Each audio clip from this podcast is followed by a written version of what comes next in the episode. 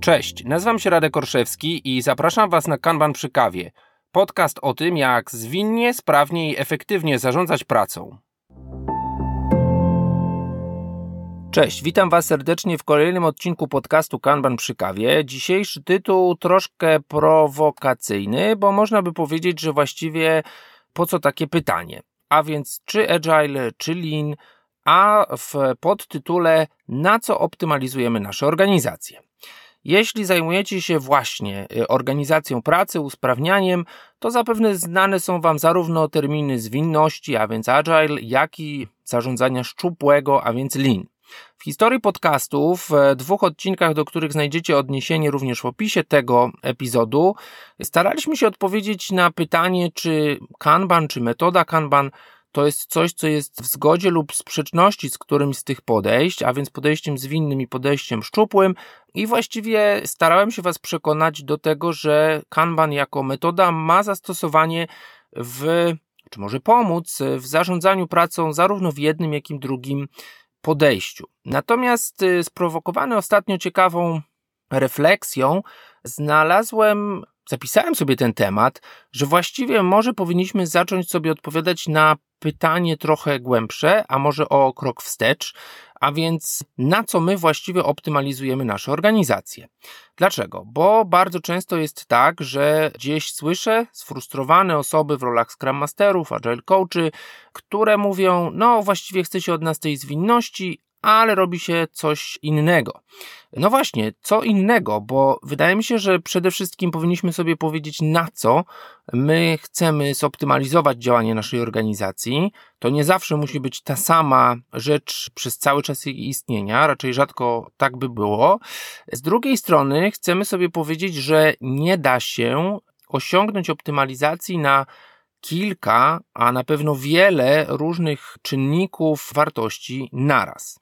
I moi drodzy, tym wstępem zapraszam Was do wywiadu, który, wow, naprawdę jest taki, że za moment usłyszycie, pewnie może słyszycie radość w, w moim głosie, usłyszycie rozmowę z człowiekiem, który swoją historią naprawdę spowodował, że nie miałem za wiele okazji i chęci do przerywania mu w tym wywiadzie. I ten wywiad puścimy w całości, bez żadnej przerwy reklamowej, bo jest to wywiad naprawdę, który jest niesamowity. No dobra, to już dosyć tego nawijania, jaki on jest fajny. Zaraz go sobie sami wysłuchacie. Ale chcę opowiedzieć skąd decyzja o tym, że moim gościem dzisiaj jest Niklas Modik, a więc współautor książki This is Lean. Można byłoby się spodziewać, że on będzie mówił tylko o linie, ale zupełnie nie. Przede wszystkim jest to człowiek, który wierzy w opowiadanie historii, w to, co dzisiaj się bardzo sprzedaje w biznesie, a więc storytelling. I on ma naprawdę dla Was niesamowitą historię, bo tam jest Joastrid Lindgren, ukrytym bohaterem jest Henryk Kniber, którego pewnie znacie, jeśli jesteście agile'owcami, ale jest uwaga też zupełny przypadek bycia posadzonym przy kolacji obok japońskiego profesora. Będzie uwaga o aerobiku linowym, ale będzie też o polskich polach golfowych. Więc jeśli e, taka niesamowita historia, którą właśnie łatwiej zapamiętujemy niż e, jakiś teoretyczny wykład, jest naprawdę bardzo fajnym przesłaniem na temat tego, na co my optymalizujemy nasze organizacje, czemu służy Lean, czemu służy Agile, czy można te dwie rzeczy ze sobą połączyć, jak walczyć z pewnymi niezdrowymi optymalizacjami. A więc, moi drodzy, zapraszam Was do wywiadu. Zapraszam Was do niesamowitej rozmowy. Po niej kilka słów mojego komentarza, ale chciałbym, żebyście właśnie rozmowy z Niklasem wysłuchali w całości. Zapraszam. Today my guest is a wow for me a guru a name from the cover of the book. So i have niklas with me. We have this uh, kind of you know already a tradition that we ask our guests to introduce themselves. So niklas if there's anyone who by any chance doesn't know you or maybe they know you but they don't know what you do how would you introduce yourself to our listeners? All right. Thank you very much for having me here. Well my wife she calls me a lean airhead. So i think that that su- summarizes everything about me but no. But um, i lived um, in japan as a kid. So uh, i was an exchange student. So i was living uh, with a japanese family. So when i was 16 years old i, I um, lived in nara which is quite close to kyoto and osaka in, in japan. I didn't speak any english. So so um, i lived together with them and um, i went to a very traditional Japanese high school. So, uh, and uh, they gave me seven private teachers in Japanese uh, that had two tests each. So I had 14 tests in Japanese every week for a year, which uh, in the beginning I hated because I wanted to be Karate Kid. I went there because I wanted to do, you know, I was hoping that my father would train me in the backyard, you know, uh, but he, he played trombone, so there was no training or no Karate Kid. But that influenced me a lot since I learned Japanese and, and uh, got into the Japanese culture, and I also was forced to to enjoy studying. Um, I didn't study so much before that, so given that, uh, then I learned Japanese quite well. And, and when I um, started university, um, it was very natural for me to continue. So I did summer internships every summer there, and I was uh, there during my masters. And um, after my um, masters, by different reasons, I, um, also wanted to um, get into um, research. And at that point, I was actually my, my former girlfriend, she was a aerobics instructor, so dance instructor, and she brought me to one of her classes. And um, she said that, hey, try this class. And I tried it out and and I said, well, that wasn't so so difficult. And then she said, well, you should try dance aerobics. That was the most difficult one. Try that. I didn't. I, I wasn't able to follow the choreography at all. But I challenged her, like, I'm going to be able to follow this choreography uh, before the summer. So me and my friend, we started to take dance classes first a few times a week, then every day, and then two times a day. So and that was quite similar to I was into martial arts for ten years, so it's quite similar to move your body. You know, a round kick or a pirouette. It's it's it's more or less the same. So, but then um, I was just about to uh, finalizing my masters, and then one of my aerobics instructors said, "Hey, Niklas, you should become a teacher, uh, a dance teacher, because I like your moves." And then I was like, "All right, that's this is what's gonna go. So I was finished with my masters. I had an offer from a management consulting firm and from Sony Ericsson that was just established. So I said, sorry for that. I'm not going to McKinsey. I'm not doing Ericsson. I'm going to become aerobics instructor instead. Uh, but what was quite fun was that I started to teach dance classes, but I realized quite fast that people don't understand me. They're just standing and they felt stupid and, and uh, they didn't get any exercise. So then I said, well, maybe I should start learning from the best instructors. So I started to systematically take classes from the leading dance instructors in Sweden. I think I studied and wrote down how they were teaching 43 different instructors. And then I packaged that. And since I had a master's in lean and operation strategy, I started to apply lean in the teaching process. And I developed my own concept called value added aerobics, uh, where I said that this is how you optimize dance teaching processes to make everyone understand. So it was very much about how to break down a complex choreography into small changes. So I got actually a sponsor contract with Nike and I was traveling around in the world teaching dance teachers how to teach dance classes in a pedagogical and a value adding way. And uh, uh-huh. uh, in the middle of that, I did that for two years. I, and then I met my professor. And then he was like, oh, So what are you doing? And I said, I do lean aerobics. And he was just laughing.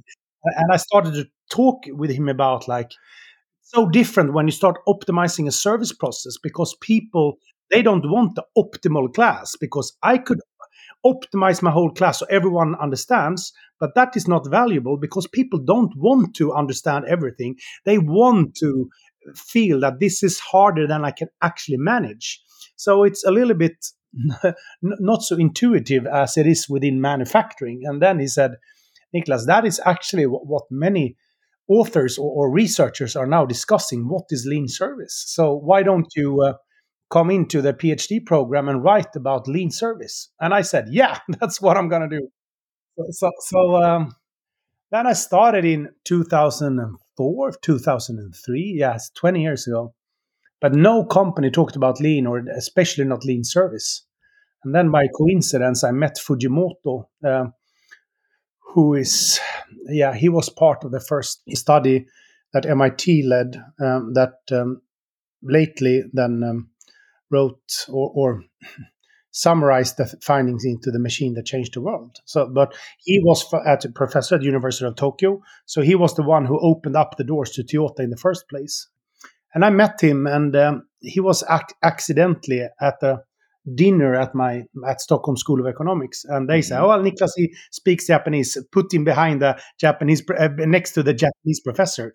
And then I started to talk about my aerobics findings, and then he said, "Like, wow, this is interesting. We're actually now starting to research about how Toyota is adopting lean outside manufacturing in sales and services, administration, knowledge work.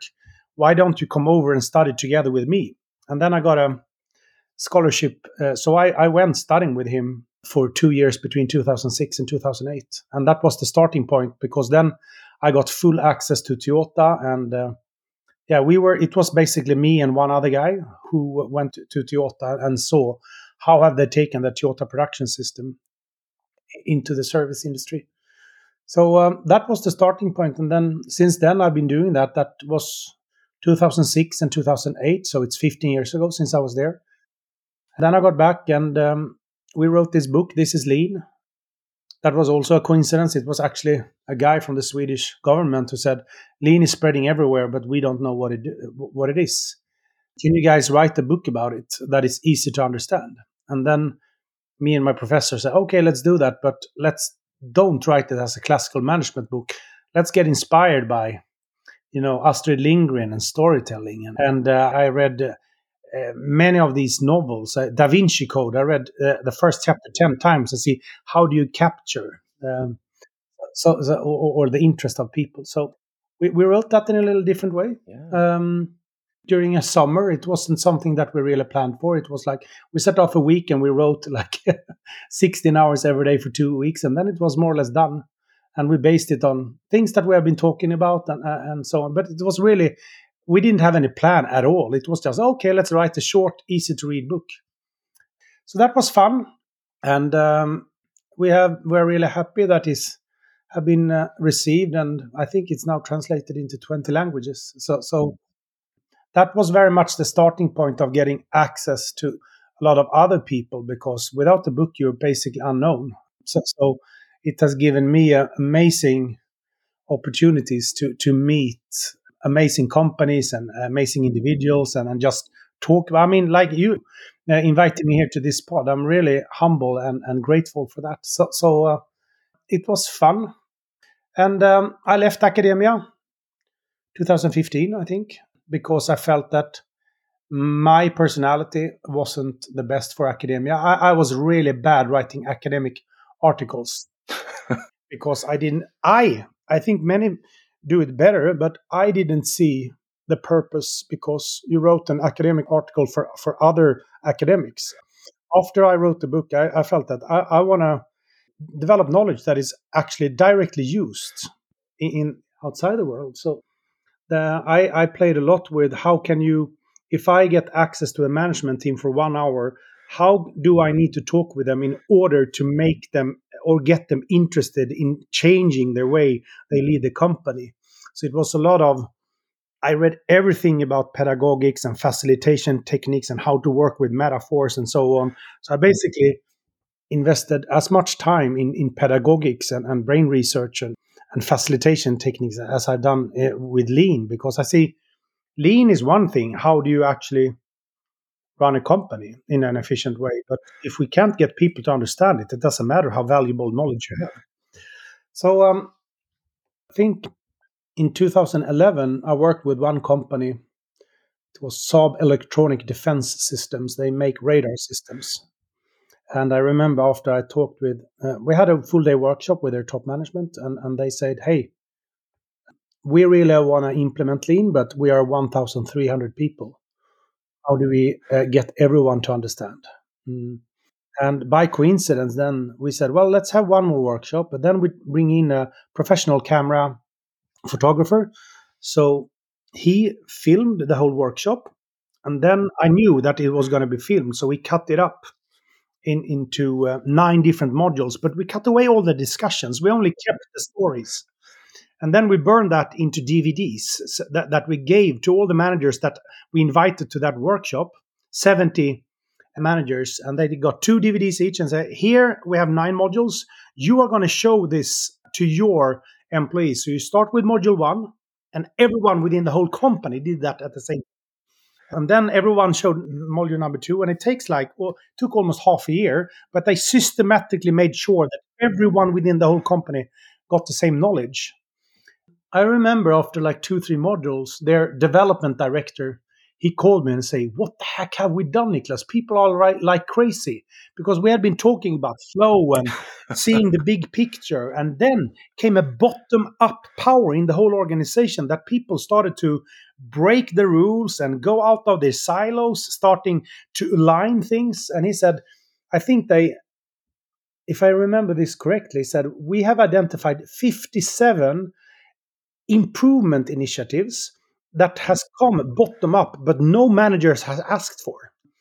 And then I say, okay, this is quite interesting what happened because this was just a way, actually, how can we scale learn, uh, teaching? And uh, what we did then w- was that we saw that what happened was that all the managers they got the ownership for the actual content since they had the DVDs, they showed it, and they led the discussions with their people.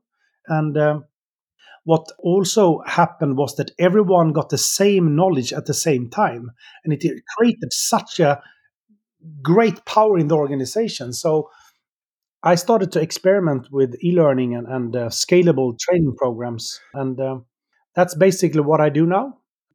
I have a company called HUPS, which stands for Human Upscaling and Human Upskilling, which is basically how to involve everyone and build the people in the organization. So our vision is to develop self-improving organizations. So, so uh, we basically train organizations within lean and agile, and and um, it me and um, maybe you know Henrik Kniberg. Mm-hmm, sure.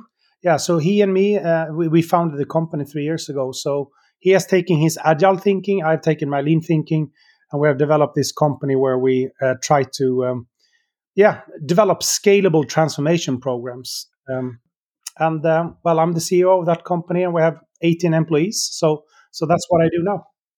Niklas, what a story! I seriously hope for some interesting, you know, facts from your past. But like, I'm trying to wrap my head now around, well, everything: the choreography and Astrid Lindgren, and now Henrik being in the story. I'm pretty sure lots of our listeners know Henrik for sure. He's been, uh, you know, speaking at many agile conferences in Poland in last years.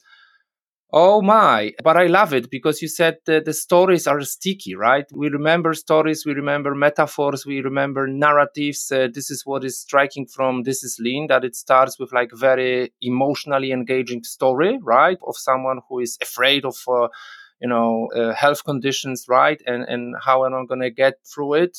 Which is wow, yeah. what really resonates with many people. And this is what we remember. And I believe what you just described with this uh, scaling learning, this is something what many people in my profession, many people of our listeners who are like, you know, Scrum Master, Agile coaches, change agents, this is they they dream for, right? How do we teach all the people at once the same basics? So we empower them, we energize them. So preparing for this interview, I said I'm probably somewhere say that I don't expect you to give us the silver bullet for uh, transformations, but I think you already did. I mean, uh, you know, get the management buy-in, but also en- encourage people to empower them, right, to come with the initiatives for the changes, like you said, and so on. Oh my, this is the beginning I didn't expect to. So thank you very much, Niklas. Great story you, you, you mentioned that now uh, at, at, your company uh, you, you mix or you combine both uh, lean and agile approaches. Uh, uh, yeah of course probably majority of our listeners the podcast listeners identify themselves with more agile movement than lean movement. Uh, although you mentioned yeah knowledge work services work where lean can be also applied.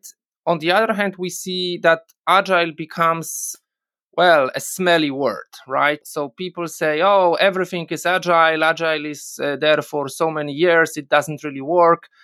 In your book, you also mentioned that uh, if you let's just say Google for term lean, you find lean connected to everything, right? But does it mean that lean is actually there, that it's helping everywhere? What's your point of view or what's your experience with agile? Do you see it uh, as a burnt uh, term that, you know, it's abused, it's overused, or it's still actually needed there? It's a good question. And, and um, for me, I let go of the lean term almost 10 years ago, saying that I'm implementing lean or spreading lean uh, because I can see that when we hang up knowledge or, or connect knowledge to a concept, it can be good in the beginning because it can get a hype and people get interested and we're going to do lean or agile and so on. But after some time, it becomes so popular, so you it goes, becomes really blurry. What is the concept and what is the concept not? Uh, and um, that became a very big problem with lean because lean in itself I mean, it's the most spread management philosophy, probably together with agile. But I mean, it's the one of the most spread management philosophies of all time, and the principles behind lean won't change in thousand years. It's about developing customer-oriented and flow-oriented organization. No other company that is profitable, productive, are, are not following those principles. That's the essence. So, if we say, is lean relevant? Yes. Do we need to call it lean? Definitely not. Uh, because what happens is the same thing when I tried this intermittent fasting. Uh, my wife said, "Hey, Niklas, so why don't you try this? This we should lose some weight." And I tried intermittent fasting, and I was hungry for two weeks, and I hated it. And then I said, "Hey, intermittent fasting doesn't work. I don't believe in that concept." Uh-huh. But it's basically about eating less. And if my wife said instead, Niklas, shall we try to eat a little bit less? And I didn't manage, I can't say, I don't believe in the concept eating less. Well, of course, I can make that change, but then I'm more focused on the principle eat less because basically all health concepts is about eat less and move more. I mean, so but since I had the concept, I could blame the concept and say I don't believe intermittent fasting, and that is exactly what happens when organizations start applying lean or now then agile. Because I believe that agile, of course, it's about continuous testing and I mean, it's a way to innovate. I mean, it's not that someone said agile doesn't work. I mean, it's as stupid to say innovation is not relevant okay, if you think that, that's fine for you. But so the base concepts are there. But for me, really important to see why have these two concepts been developed. I mean, lean comes from manufacturing in a setting where Japan didn't have any resources. So they didn't have any access to raw material, they didn't have access to anything. So they basically were forced to develop flow and optimize the flow because they couldn't take a risk that they delivered bad quality and they had to develop the car and produce the car fast because they needed to get in the cash. They by different coincidence, developed lean. And it's basically about optimizing processes uh, where we know what the outcome is. While agile, I mean, it's uh, developed in, in an uh, environment where we don't know what the outcome is. We have an hypothesis, sometimes a really valid hypothesis, sometimes we have no clue, but we have a direction. Like this is where, how do we get closer to actually knowing? Well, there, agile is absolutely amazing are we going to stop with working with agile ways of working? Absolutely uh, not. But do we need to call it agile? Well, if it becomes a negative uh, term where people can blame the concept, yes, maybe we should r- uh, rather talk about continuous innovation and iterative testing and so on. I mean, it's like I got a question some years ago at LinkedIn saying, Hey, Niklas, you have been working with lean. Which is best, agile or lean? And then I was like, Okay, then I wrote, I remember, if my wife says, Niklas, I'm hungry, I want a salad, I can use lean to optimize the salad process, meaning understanding what does she want and, and what is quality and how can I make it fast, cheap. And it's like lean is perfect to optimize the salad production process. But if my wife says, "Hey Niklas, I'm hungry," and I say, "What do you want?" and she says, "I don't know, but I'm really, really hungry," and my wife gets quite nasty when she's hungry, so it's important for me to identify what does she want. If I were then to take a standardization and say, "Well, I produced a salad," then it's quite stupid because then I try to standardize a process where I don't know what is the actual outcome. Here we then have agile where we can testing hypotheses like do you want the pizza? Do you want the pasta? And how fast can i come to the conclusion to identify what does she want? Uh, and what is right for her? What is effectiveness? And what is the right thing? Here agile is amazing. Lean is definitely not amazing there. But then we have these two situations. I want a salad or i'm hungry. We need lean. That's the salad one. I'm hungry. We need to identify what she wants. Here we have agile and then I was going back. So when you say what is best, it's the wrong question to ask because we mm. need ways of working in both situations. Sometimes we know what the end outcome is, sometimes we don't. But it's really stupid for me if my wife say, "Hey, I want a salad," and I start to iterate and say, "Oh, test different hypotheses." She just want the salad. Or if she's hungry and I have a standardized salad process, and I say, no, you get salad. But she said, we had had salads for four days. I don't want the, the salad. That is also stupid. So it's not about the concept. It is about to understand the nature of the need. Do we need, understand what the need is? Well, then optimize the mm-hmm. process because you shouldn't iterate and have an hypothesis testing when you know what the end need is. But if you don't, then you can optimize your testing or innovation process. So, so for me, lean and agile, they were, I mean, developed in t- completely two different environments, but we need both. Do we need to call it lean and agile? No, I think what I talk about now is well, what is the nature of your need? And then we help companies to optimize their ways of working. Sometimes they know what the need is, sometimes they don't. And then we need to realize flow because for me, it's about flow. Is it flow in fulfilling the need, or is it flow in testing what the need is? It's still flow efficiency. Uh huh. Okay.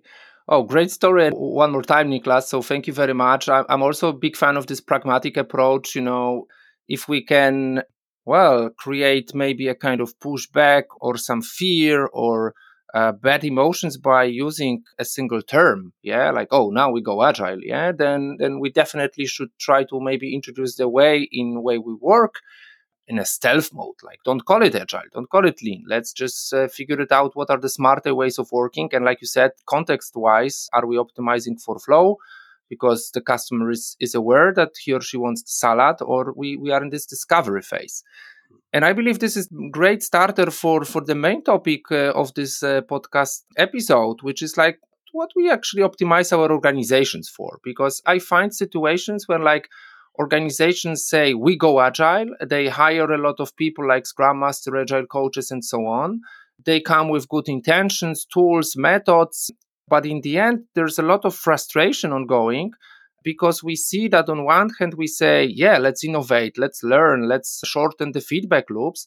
On the other hand uh, unfortunately we still have a lot of you know taylor ford based ways of thinking i have my knowledge workers and i still want to do it like in a factory way. So let's be busy yeah? I cannot stand the fact that you don't write the code or i, I feel like you're not utilized that just because you don't have anything to test or to design yeah? So we have this clash of optimizing for flow flow of information also feedback loops and learning and optimizations for yeah resources efficiency yeah? How many hours are you busy with just anything as you said, if we are in the domain of maybe manufacturing of the known and relatively fixed uh, outcome, this is uh, pretty clear.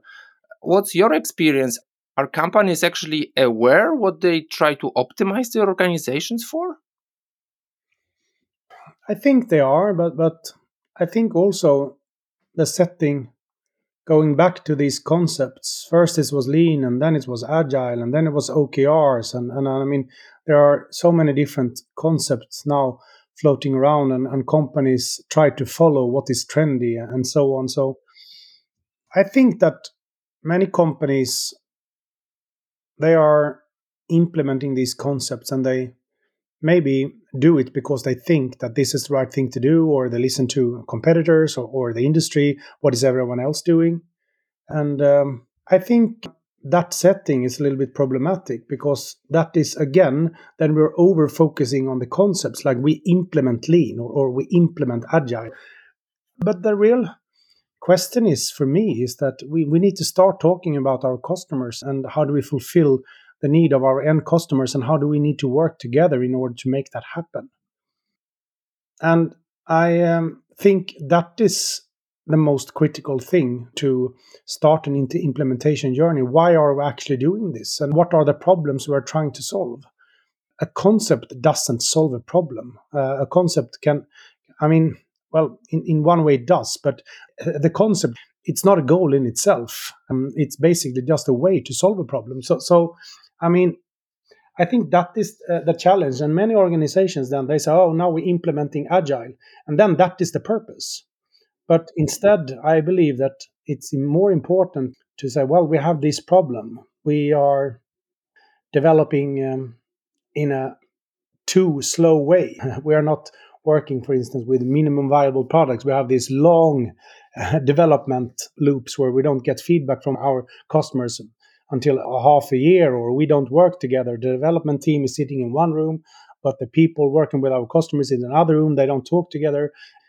Those are the real problems that I think that we should tie up the the, the um, implementation around. So uh, for me, uh, I think it's always critical to start focusing on what is the business need and how can we solve it. And as I said, sometimes it's about standardizing processes uh, or developing end efficient end-to-end flows. Get away from uh, silo thinking. Here, lean is amazing, and sometimes it's about co-locating, working together, cross-functional teams, short, uh, rapid. I mean, continuous releases and so on. So um, I don't know if I answered your question, but again, for me, it's taking away the focus from the concept and s- start thinking about what do we need to optimize out from our customers' point of view. That that is the most important thing in order to, to get it to work.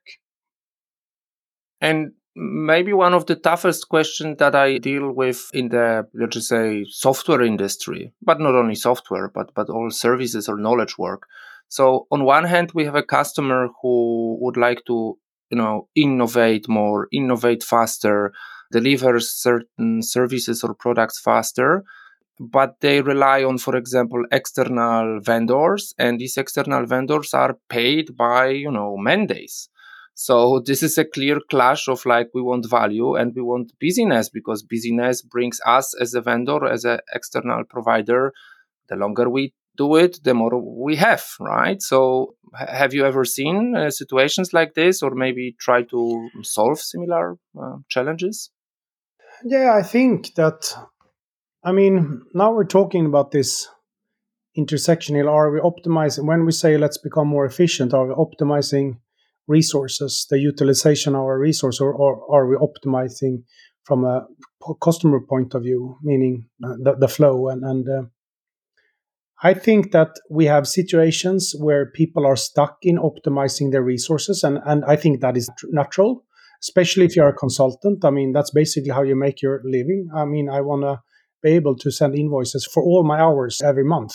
That's basically the best case scenario. And um, I think the only way to do this is that you need to look at the whole system. I mean, I work basically with lean, and, and if we try to optimize lean in one function or one part of the company, it becomes the same because if I'm gonna optimize lean in, for instance, procurement, then I can maybe optimize the procurement process. But if they are still optimizing the procurement process in order to make the cheapest procurement ever, then it doesn't mean that that it solves a problem on a higher level. I mean, I was working with this construction company. Uh, then they were really optimizing different parts of the company, and the procurement department saw that hey, when we build this uh, office, we can save like 1 million euros if we change suppliers of the foundation of the building because it's cheaper. And then they did that, and they were kings and queens when they did that. Mm-hmm. But once they built the whole building, they realized that that foundation wasn't stable enough. Mm. Um, so they had like severe problems with the stability. So they had to break down the whole building and build it up again with a new foundation and that costed 50 million euros. So if we like think about what do we optimize is it the procurement process or is it the whole project? And i think it goes the same with agile. We can't implement agile where it becomes the single resource decisions shall we do it or not? We need to take the system and see hey we need to develop a better flow and that means that we cannot be super busy. If we are super busy all the time then all our features will take longer time and we will be stuck in basically not developing anything because we are just maximizing utilization. So it's just the wrong way and, and in order to see that we need to see the big picture. We need to involve everyone that actually have their hand on the end customer who can say what do they want? So um, i definitely think that i mean maybe before agile now i'm in an area where i don't know so much but before agile we had this waterfall and then it became cross-functional teams. And i think cross-functional teams are amazing but but still, if we say that the developers have cross functional teams and they sit one part of the company, but the other part of the company that are not working with software development, they are not co located. I, my understanding now is that the developers should sit together with everyone. At least, I mean, we are a software, we're developing a, a training platform, a transformation. You, you know, LMS, uh, learning management system. What we are trying to develop is a transformation management system, meaning how can we lead transformation? So we have developers, but the only thing I've learned is that the closer I can be with our developers, the better product we can create because. Wow. One part of the product is the platform, but one other part is all the films that we create that is on the platform describing things and it's together the platform and the films that is the product so for me, cross-functional teams. I mean, how I think this is really interesting. How can we create a company where everyone is co-located and the only focus we have is the end customer? Cross-functional team is to involve everyone in the company because I've had my most interesting dialogues with my developers. Unfortunately, I haven't been so close with them, but now I'm really, really uh, eager to see. I, I want to have lunch with my developers every day, even if I'm the CEO. I think that is the essence. How can we understand, have a co- alignment on what is the customer need? If we have that, then no one will have an argument saying, well, it's important to be busy. No, no, no. Uh-huh. It's about the customer need, and we have a common understanding how to fulfill that. Okay. So, um, Oh my, I'm happy you, your word used system because yeah, system thinking or thinking in systems, right? This is something what we are missing very often. We have these local optimizations, like you said, yeah, the developer, procurement, whoever can be fastest, cheapest, and so on. But this doesn't actually contribute to the to the bigger system or value for the customer. Niklas, I'm also thinking about also controversial to, let's say, topic to a certain degree. I have, of course, colleagues, uh, professionals who work in, you know, introducing lean tools and techniques in manufacturing, in physical goods, and, and so on. They usually have some way of working. Let's do the five 5S first or something like this I, I also hear about like really funny but sometimes frightening stories that someone tries to apply lean practices or tools to knowledge work and it ends up with you know people saying oh so now you're going to tell me where i should have my mouse on the desk right? Or i um, should have a clear desk or something like this which is of course uh, a little bit of irony but do you believe if our tools are our brains and systems storing and let's just say managing information is there anything that we can benefit from lean tools and techniques to manage our knowledge work, our office work? Yeah, 100%. I mean, I totally agree with that. But I, again, I think it's a, I would phrase the question Is it important to develop flow in office work? Is it important to fulfill needs? And the, it's quite obvious, yes. Uh, we have a lot of processes there. Can lean tools help us to fulfill the needs in a better and more faster and, and cheap way? Yeah, I definitely think. I mean, 5S, again, do we say 5S, we can put that into a knowledge work? Or is the question, is it important to know where things are in the right condition when I want it? Um, like, love it. Uh, uh, that is the right question. Yes, of course. Th- that is important, but but it also it doesn't apply everywhere. I mean, for instance, my wife is amazing. We have a daughter; she's one and a half year old. She have said, Niklas, I want when she starts to cry. She said, well, I always want us to put a full uh, bottle of milk here because if she wakes up and we are in the middle of the night, we should just go and grab it and then fulfill her needs. For me, that is 5S. I mean, to know the most critical resource. I know what it is, where it is, and it's a, and it's a full bottle. Uh-huh. Uh, here is a perfect way to apply lean tools because it's a need that is happening every time, once a day, uh, two times a day during the night, and when she takes her nap. I have to know where I have the milk. But there is perfect. But th- then I start with I want to fulfill the needs of my daughter as fast as possible. Then I need to know what resources do I need in order to do that. But if I were to instead, well, I'm going to apply 5S everywhere. And I, for instance, I have five boxes up on, on my attic here with, uh, decorations from for, for Christmas. Yeah. Same here. it's just thrown in and it's it's really, really messy. I just put it in. And if I were to put 5S in those boxes, uh, here I have this, and here I have this, and here I have this, it could be nice, but I'm taking it out once a year and I t- putting it away once a year. I don't need to have 5S there. It's just stupid to put them very neatly in the box. I just throw them in the box, and when I need it, I take everything out and I put it in the place. That's good enough. I don't need to say everything should be in order. So I want to come to here is that again focus on the need. My daughter's need is every time and it's really important. Here i need to know what resources do i need when do i need it in which conditions should i need.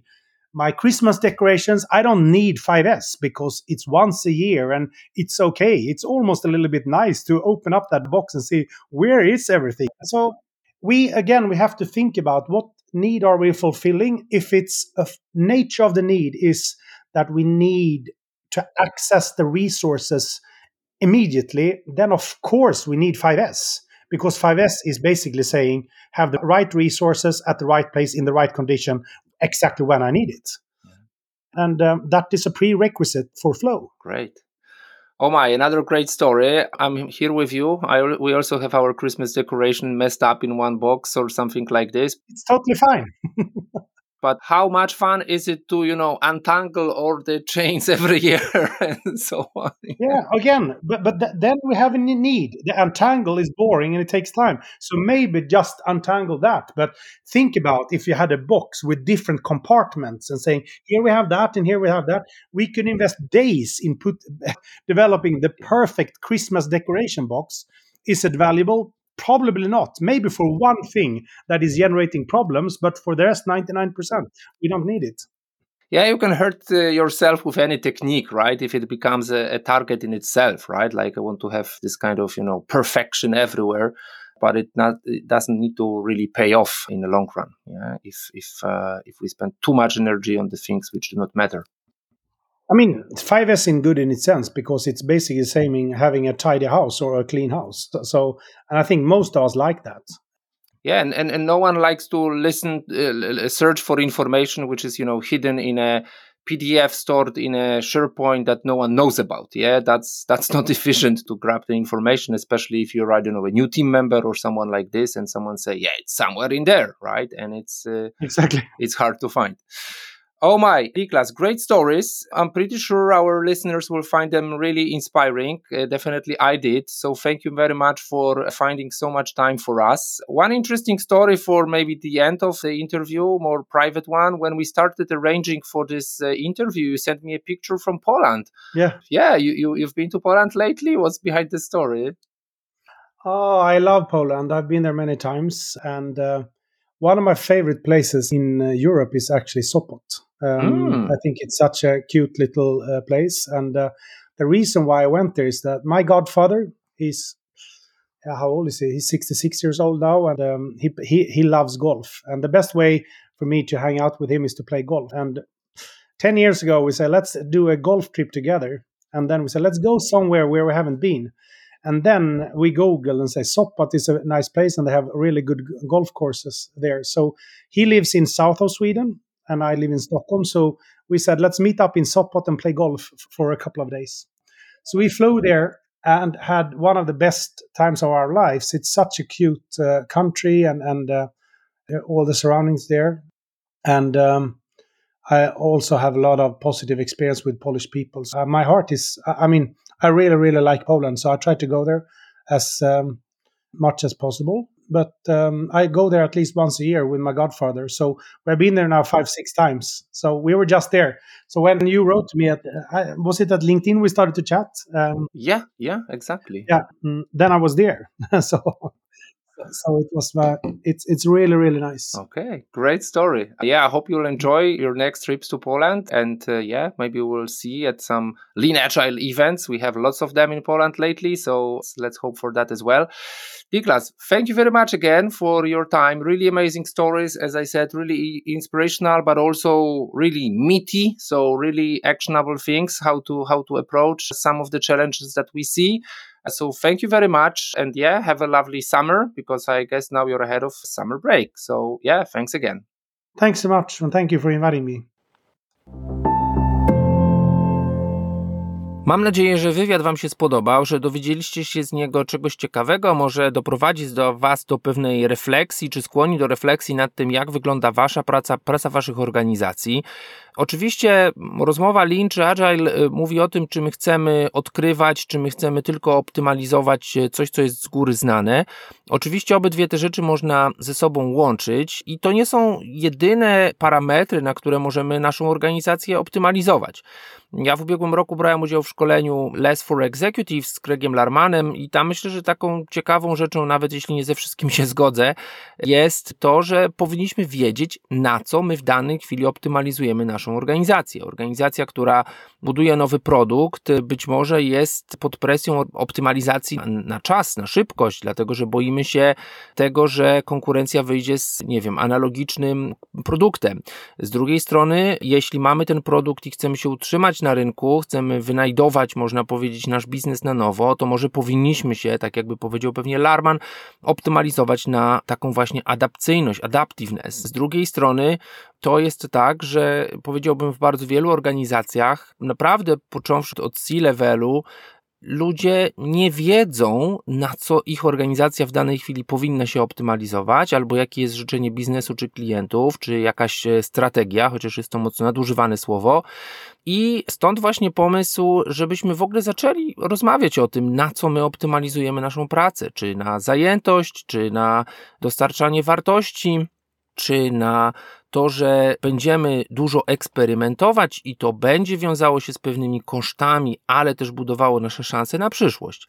Być może wśród Was, słuchacze i słuchaczki, te tematy są oczywiste, ale ja bym powiedział, no właśnie, jeśli są oczywiste, to pytanie, czy one są tak samo oczywiste dla osób w zespole, z którymi pracujecie, dla menedżerów tych ludzi, dla właścicieli biznesów, dla osób, które stoją na, prawda, na wysokim szczeblu zarządzania czy decyzyjności w organizacjach, bo bardzo często niestety będzie tak, że ten przekaz jest niejednorodny, tego przekazu, na co my optymalizujemy naszą organizację, właściwie nie ma na niższych poziomach, tak? To znaczy właśnie znowu mamy ten taki dyskurs pomiędzy my na poziomie C-level mówimy o tym, że chcielibyśmy, żeby organizacja była taka czy inna, albo może właśnie powinniśmy to przetłumaczyć na język na co zoptymalizowana, bo jak powiemy, że chcemy, żeby nasza organizacja była zwinna to właściwie niewiele znaczy.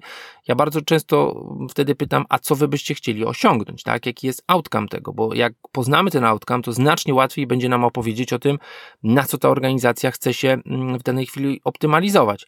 Kiedy zejdziemy, można powiedzieć, do okopów, do zespołów, do specjalistów, którzy pracują, oni zupełnie mogą nie mieć pojęcia o tym, na co wysokopoziomowo chociażby na poziomie czy w warstwie życzeń, dana praca ma być zoptymalizowana.